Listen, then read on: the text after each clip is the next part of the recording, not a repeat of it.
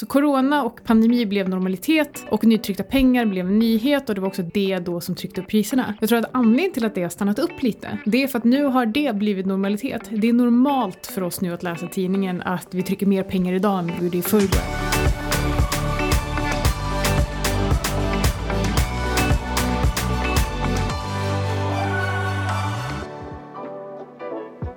Hej, du lyssnar på Outsiders.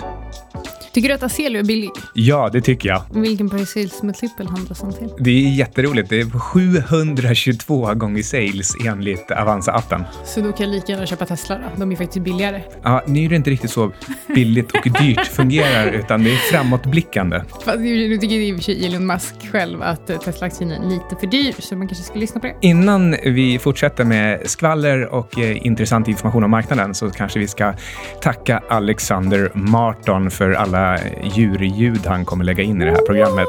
Oh, jag undrar, jag har ett litet djur här, ett mycket litet djur som heter Capex. Ja, det är väl bara Dogs of the Dow vi inte kommer ta upp idag, men annars så är det noshörningar, enhörningar, kanske en räv och en ko har jag planerat. Ja, det blir spännande. Vi ska snacka lyssnarfrågor, märkliga silverprisrörelser, en eh, konkret handelsplan för ett negativt scenario. På tal om det, du gjorde ju jordens backtrade på Twitter. Nej, nej det, det, var faktiskt inte det. Förlåt. Vem? Förlåt. Du, Vem? du, men du gjorde inte det. Jag eh, kommer ihåg, för du la ut på Twitter så filmade du ditt eh, vad du trodde om marknaden de kommande, alltså dag för dag för dag för dag. Ja, precis. Jag tror det var den 19 mars jag la ut Ja, det här. Just det, ja. Eh, men eh, sen så var det någon, faktiskt någon annan som retweetade det nu och då läser jag den där och jag bara, varför lägger han ut den nu? Men eh, sorry, det var faktiskt jag som hade fel. Backtradesen får jag stå för. Precis, så den hade med hela det tradable rallyt, en, liksom en långt sjok med flera veckor med uppgång och sen hade den också att den 4 maj skulle marknaden krascha. Ja, det är ändå bra. Vi, eh, vi har fått som sagt lite lyssnarfrågor och i en av dem så får vi en fråga om Lendify och hur det kommer drabbas eh, under den här perioden. Och sen så vill vi också såklart ta upp att Newmont Corporation, vårt miningbolag som vi har ägt sedan typ februari, rapporterade idag. Det är ju nästan som en, en backtrade, den här växlingen från eh, Gran Colombia till Newmont. Mm. Förresten, jag såg, du, du har gått på bio fyra gånger de senaste två veckorna. Ja, kul grej att en av mina närmaste vänner när jag häromdagen sa ah, att jag ska nog gå på bio ikväll när han ville ha ut mig och dricka alkohol istället. Så sa han att ah, det blir nog inget av med den där bion. Och då frågade jag lite så här, men vadå? vadå? Är det något nytt som har hänt? Så hade han fått för sig att eh, ingen i hela världen skulle gå på bio. Men eh, jo, eh, jag har gått på bio fyra gånger på två veckor. Det, de första gångerna så var det helt tomt i lokalen. Eller en till tre personer till förutom eh, jag. Men den här gången, den fjärde, då var det faktiskt 17 personer på de 200 sätena. Jag älskar att du bankar in saker i huvudet. Men typ som att du har suttit och räknat 17 personer. Det jag ville säga med det här var att när jag såg din anteckning att du hade gått, för, för det första du skrev in i anteckningarna till podcasten att du har gått på bio fyra gånger på två veckor. Tack. Nej, det här är spontan humor. ja, jättekul. Då blev jag sugen på att gå på bio, så jag ska på bio på lördag.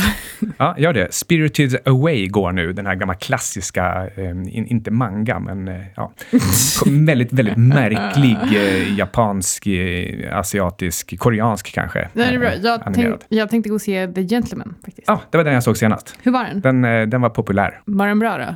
Den är klassisk Guy Ritchie. Guy Ritchie har inte utvecklats överhuvudtaget. Men gillar man liksom voice-over, prata in i kameran, brittiska och lite mullrande mörka dialekter och eh, lite konstiga eh, regissörsåkningar så är det en, du får exakt samma sak som Lockstock and Two Smoking Barrels och de här andra. Jag vill bara ha en ursäkt att gå och köpa godis på det stället. Den, den, fun- den funkar för det. Den, det är två timmars eh, ändå okej underhållning. Nice. Men ska vi börja lite med lyssnarfrågor kanske? För vi, det var en person som, eh, en lyssnare som skickade in en fråga angående volatilitet i råvarupriser. Och eh, silverpriset dumpades 2,5% på en minut den 30 april klockan 15 utan någon egentlig synlig nyhet. Och då undrade han, vet ni varför? Vad skulle du säga, Anna? Kan läsa här från dina anteckningar och ta det som du och jag diskuterade på kontoret förut.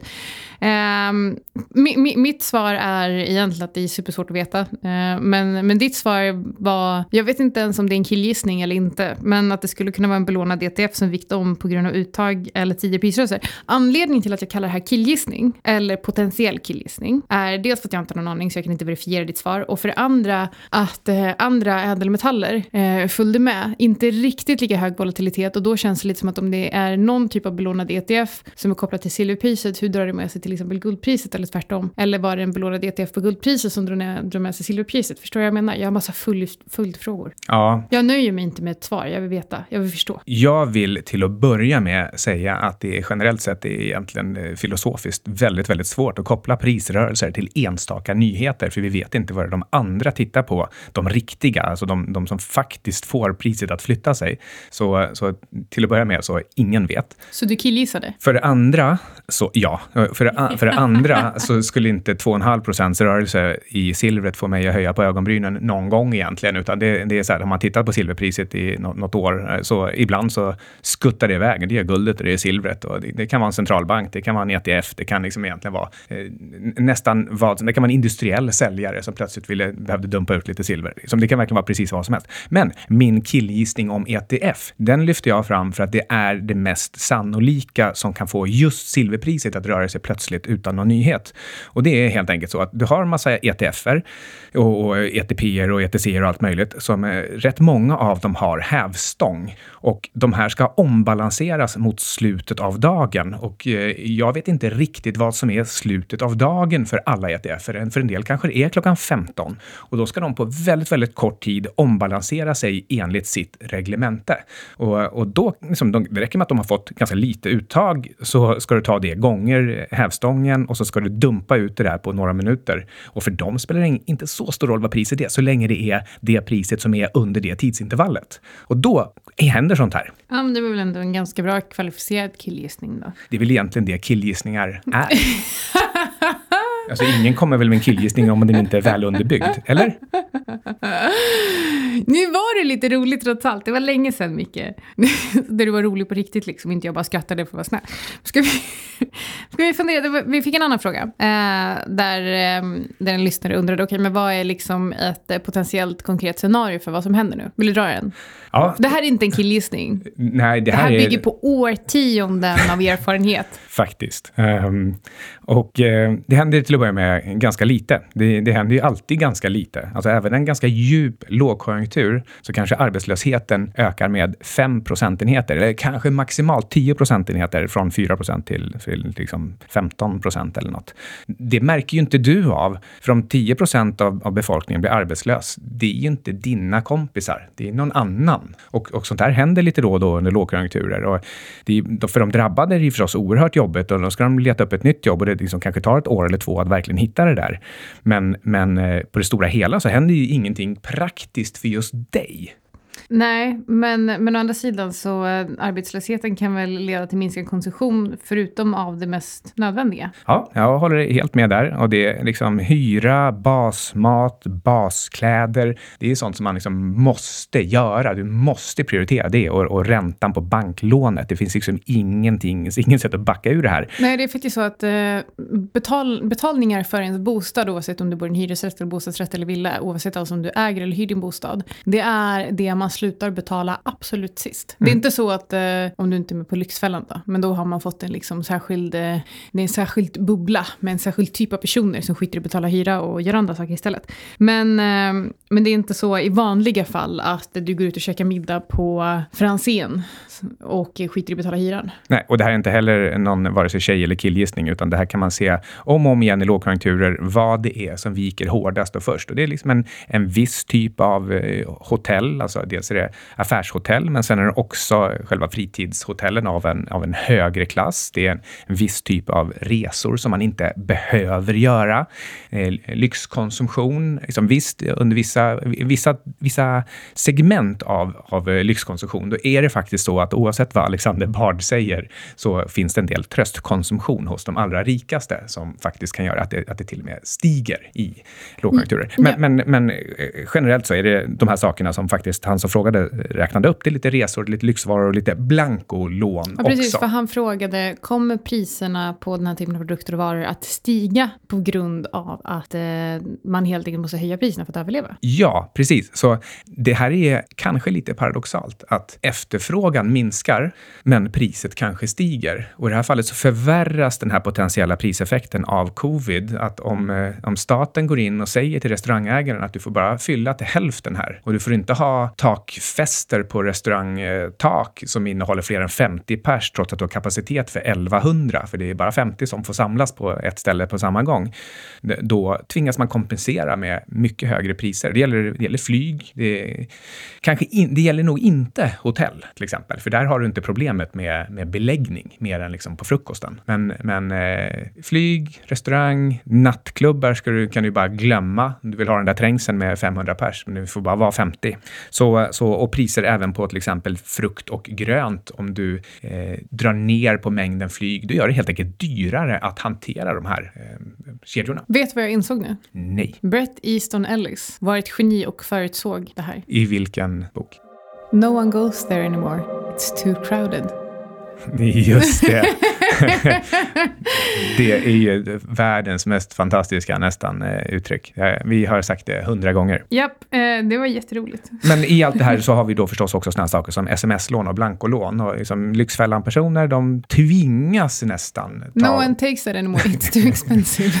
Ehm, men så här Lendify och Brock och dem, där eh, tror jag nog att där ska kreditförlusterna eller förseningarna i alla fall stiga. Det, det måste man räkna med. Ja, och när man tittar på 2008 så gick väl kreditförlusterna upp eh, lite grann. Ja, precis, för den här typen av lån. Ja, exakt. Eh, men nu är det, det är så mycket mer utbrett nu. Ja, absolut. Så det, det blir spännande. Det blir lite en, uh, blir en trial för att se hur den här typen av tillgångslag faktiskt i framtiden kommer att hålla i den här typen av ekonomiska kriser. Så det, det, är ett bra test. Det är lite som bitcoin. Mm, och lite spännande är att Lendify är i sin publika kommunikation just nu väldigt tydliga med att de har byggt själva organisationen för att hantera en ordentlig nedgång. Eh, och de har också byggt den för att dra på expansionsgasen liksom, efter det som de ändå hade förväntat sig skulle bli en, en nedgång någon, någon gång. Nu kom det liksom senare än vad vi alla trodde, de också. Men eh, åtminstone på pappret så, så säger de sig liksom, egentligen välkomna det här, skulle man kunna säga. Ja, och eh, anledningen till att bolag som till exempel Lendify måste få det här att fungera är ju faktiskt också för att hela deras affärsmodell går ju ut på att folk och institutioner ska våga låna ut pengar via dem. Ja, och det, sånt här ska ju inte, jag menar, det kommer en sån här lågkonjunktur och en finanskris var tionde eller minst var tjugonde år. Du kan inte bygga ett sånt här företag på att du, du ska gå under vid, vid den första sättningen eller liksom gå under, men eller att, eller att det ska leda till helt eh, liksom orimliga kreditförluster för kunderna. Och det, så det, det, kommer det inte göra. Man kanske kommer i värsta fall tappa en, en årsränta eller någonting sånt, men, eh, men sen kommer man igen. Jag tänkte att vi ska påminna också våra lyssnare om vår eh, partner och sponsor Revolut. Ah, ja, perfekt. Det, det här som vi har metallkorten, både du och jag. Exakt, det här är ju inte ett kreditkort utan det är ett förbetalt betalkort så det är inte så att du samlar på dig en massa krediter. Eh, och om du signar upp via vår länk, outsiderspodcast.live revolut, så får du alltså ett gratiskort hemskickat eh, och eh, det skickas hem till dig med fri frakt. Och det som jag och Micke framförallt tycker är kul med det här är eh, möjligheten till valutaväxlingar mitt i spreaden, att du kan köpa guld, du kan eh, köpa bitcoin, men eh, det absolut smartaste är ju liksom att det här är, det här är som ett Amex fast det inte ett kreditkort. Så du får den typen av cashback, du har reseförsäkringar, det här gäller om det är metallkortet. Och du kan faktiskt använda plattformen för att eh, investera på. Ja, vi är ju sponsrade förstås, men eh, vi blev båda helt frälsta av kortet på en gång. Så det är förstås också därför som vi är det. Så uh, skaffa dig ett gratiskort nu och testa via outsiderspodcast.live revolut. Ska vi fundera lite på förutsättningar för en V-återhämtning i den reala ekonomin nu när vi faktiskt har pratat lite om problematiken i ekonomin? Mm. Det är förstås väldigt lätt att tänka sig att eh, ja, men nu, nu trycks det pengar, börsen har ju visat tendenser till en V-återhämtning, vi vill upp eh, 25-30 procent eller någonting sånt där, 25 procent i alla fall från, från botten.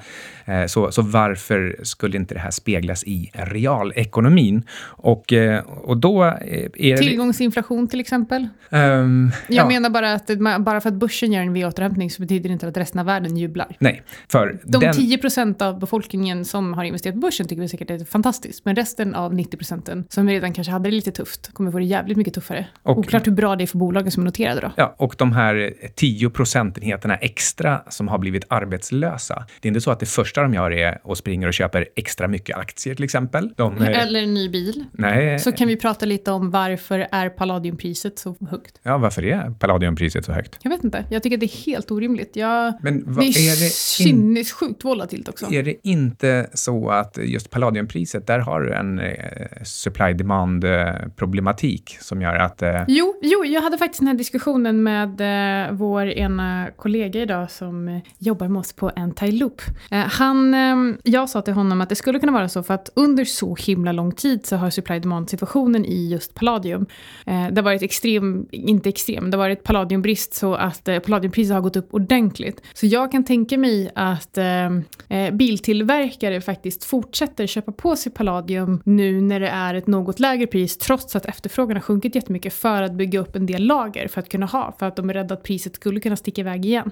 Det pratas ju dessutom om att eh, bilmarknaden kunde, skulle kunna vara en sån eh, ledare, alltså en, en slags eh, själva, själva eh, produkten man använder för att få ut stimulanser. Cash for clunkers använder man 2008, där eh, man, eh, man ger bidrag för att du ska köpa nya bilar och skicka in de gamla bilarna. Och då kanske de nya bilarna dessutom är mer miljövänliga, så man gör liksom både en miljöväxling och en, en stimulans på samma gång. Men oavsett, så det är egentligen enda anledningen till att palladiumpriset skulle kunna fortsätta ligga här uppe. Men visst, det, visst har det lite den här känslan av, som det var i februari, när man, när man visste att det var en pandemi på gång och alla tittade fram och tillbaka på, på, på varandra. Liksom så här, men varför säljer inte du? Det är det är lite sån känsla i Palladium. Ja, men det, det var ju ett ordentligt fall eh, och sen så en extrem rekyl upp. Nu handlades det kring 1800 dollar igen per ounce. Och eh, om man jämför det liksom med, eh, med förra året då bilförsäljningen var upp liksom rejält jämfört med tidigare perioder. Jag tror att 1800, då snackar vi liksom oktober 2019 nivåer på priset. Ja, så det är precis. liksom inte, det är inte, det är inte som att bara för att priset föll från eh, typ 2400 dollar ner till 1800 dollar att vi är nere på relativt låga nivåer, inte ens jämfört med förra året. Nej, men det är precis det jag menar. Den, den, den står högt upp och eh, man, man kan räkna på det och titta på ekonomin och tycka att den borde stå lägre. Men, men alla de som gör det, de, de, de står liksom och tittar från sida till sida på varandra och säger, men varför,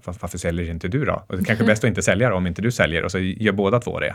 Ja, Palladium har ju både på kort och lång sidan varit ett rätt bra case för mig, men nu står jag helt utanför sedan eh, några veckor tillbaka. Ja, jag tror det, jag tror det låter rätt. Men eh, okej, så vi har liksom en sak är att eh, konsumenter blir försiktiga eller har inte råd, vare sig med sin konsumtion eller sina investeringar. Eh, vi har eh, företagare som nyss har stirrat döden i vitögat eller gått i konkurs. Några av dem har bara helt enkelt inte lust att försöka dra igång någonting nytt igen med liksom sina sparpengar. Nej, och de vill nog i så fall också vänta på att läget har normaliserats. Mm. Och frågan är också, vad är normaliseringen? För det som händer i alla lågkonjunkturer, det är att man får en mismatch mellan det som produceras och det som efterfrågas. De här två sakerna blir liksom perfekt intrimmade under en lång högkonjunktur och sen, sen händer någonting som får de här att skeva lite grann. Så att man, eh, om, om, eh, om vi gör någonting enkelt, om världen har ställt om sig till att producera en viss typ av bilar, en viss typ av hotellrum, en viss typ av lyxkonsumtion eller baskonsumtion och sen ändras preferenserna, preferenserna och förmågan och möjligheten och liksom lusten att köpa just de här sakerna,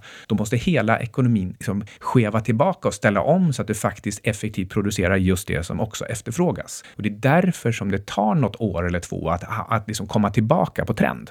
Jag vill bara säga en annan sak om the new normal, känner jag, som relaterar till aktiepriser. För vi, när, när vi såg det här extrema fallet från slutet på januari ner till 23 eller 24 mars, eh, så berodde det på att folk var rädda för covid. Och sen så blev det en normalitet och man var van vid att se eh, relativt höga dödstal, att eh, många människor blev smittade. Man blev egentligen van vid ovissheten. Och då gick Fed in och började trycka pengar och då det, blev det liksom newness i, i, det, i det som man tog till sig. För att man var, eh, så, så corona och pandemi blev normalitet och nytryckta pengar blev en nyhet och det var också det då som tryckte upp priserna. Jag tror att anledningen till att det har stannat upp lite, det är för att nu har det blivit normalitet. Det är normalt för oss nu att läsa tidningen att vi trycker mer pengar idag än vi gjorde i förrgår. Att vi under föregående kvartal tryckte mer pengar än vad vi gjorde, var det under typ hela 2019? Måste det ha varit. Som... Eh, Som Fed tryckte pengar under Q1.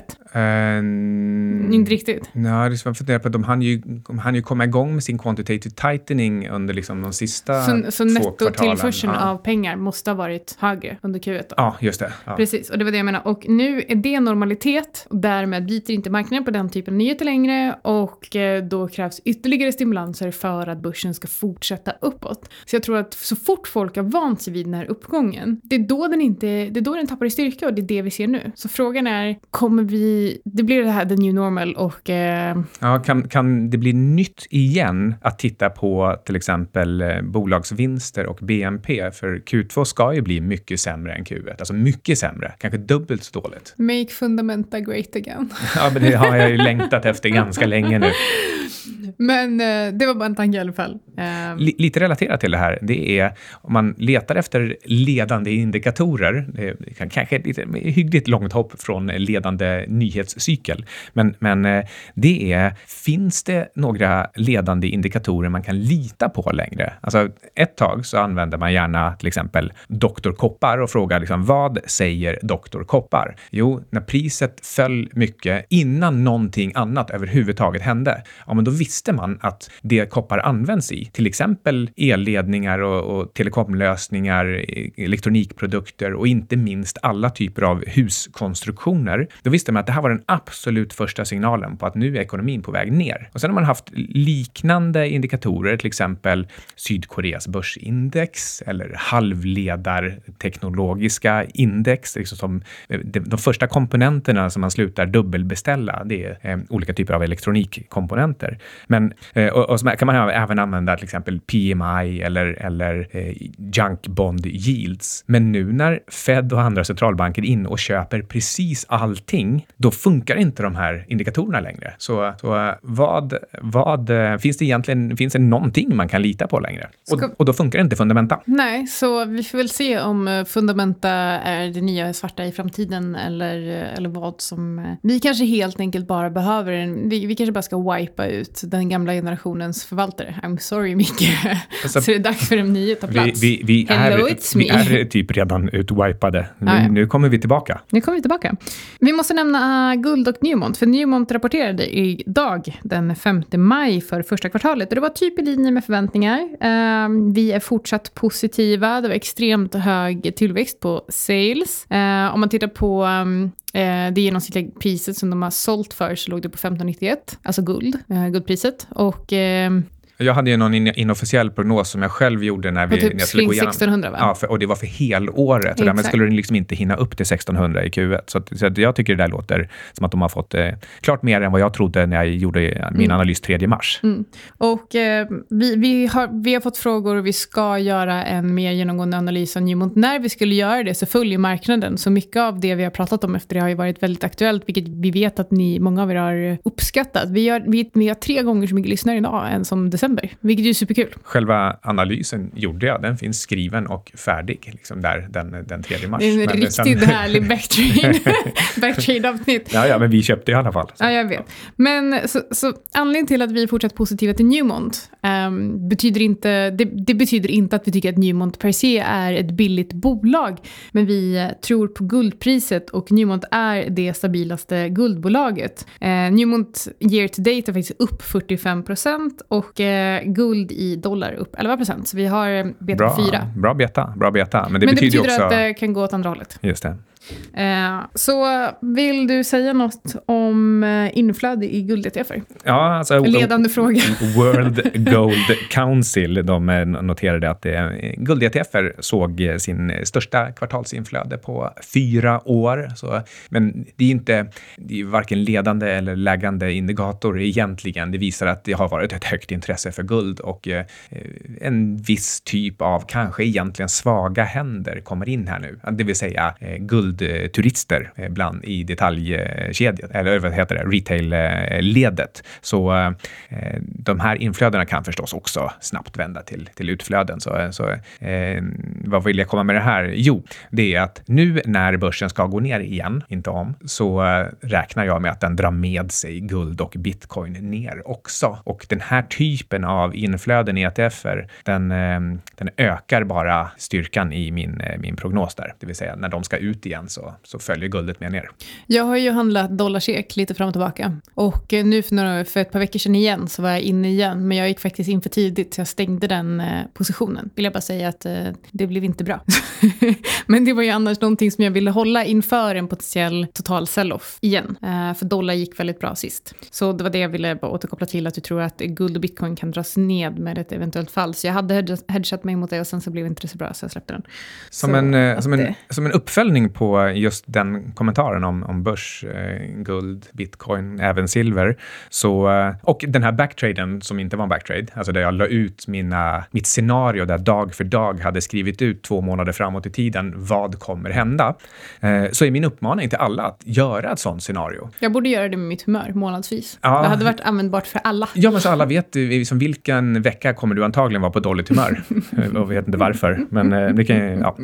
Och, och, och jag nöjde mig inte bara med att göra det här som en, liksom en, en tabell där jag dag för dag skrev vad jag trodde skulle hända eller kunde hända, utan jag gjorde också det här som en, en liten grafisk representation där jag ritade ut graferna för, ehm, för alla olika typer av index. Jag är den första att veta om att de här blir förstås aldrig liksom sanna på det här sättet, men då har jag i alla fall ett scenario som är konsekvent och konsistent och som all, där allting hänger ihop och har en, en anledning. Där jag vet att på det här datumet, ja men så här, fredagar och måndagar är lite speciella. Eh, när det kommer till exempel PMI-data eller BNP-data, de är lite speciella. När det är dags för rapportperiod, särskilt första två veckorna och, eh, och eh, sen då de två sista veckorna på rapportperiod, då händer det andra saker där jag kan fundera långt, långt i förväg om jag tror att det är en sannolikhet att man kommer vara liksom bullad eller, eller bearish inför den här perioden. Så, och det är ju jättelätt gjort. Sätt dig en timme så har du dragit ihop de här grejerna. Då har du i alla fall ett scenario. Ja, men så, så sätter du att göra det med era tillgångar också, kanske framför allt, och eh, för in liksom när de rapporterar, vad estimaten är, vad du tror, vilken analys du har gjort på omvärlden och så vidare. Innan vi avslutar, ja. ska vi säga grattis till Elon Musk. Han har blivit pappa och fullständigt tappat det. ja, men alltså, så här, Eller nej, nej, han har vaknat upp. Ja, från hur, hur mycket rökte han på där dagen innan han fick barnet? Det är verkligen frågan. Han, han, han gör allt vad han kan för att sätta fingret i ansiktet på SEC. Han eh, kommenterar sitt aktiepris. På frågan om, om eh, tweeten följde reglerna enligt överenskommelsen med SEC så svarar han rakt ut nej. Eh, det vill säga, jag bröt mot överenskommelsen som innebär att jag inte får hålla på med sånt här. Eh, och sen eh, han han också här eh, i ungefär samma veva vara ute och, och, och ljuga om eh, liksom, eh, längd, alltså hur långt en, hans bil kan köra. Eh, och eh, hamnar därmed i strid med den här EPA ehm, ehm, som mäter officiellt hur långt den, den kan köra. Så eh, han är i stor form. Det har aldrig varit ett större skådespel och som alltid så fortsätter aktien att vara helt oinvesterbar. Och Eh, med den analysen, gör din egen, ehm, så vill vi avsluta veckans avsnitt av Outsiders. Fortsätt skicka in frågor, vi älskar det. Tack.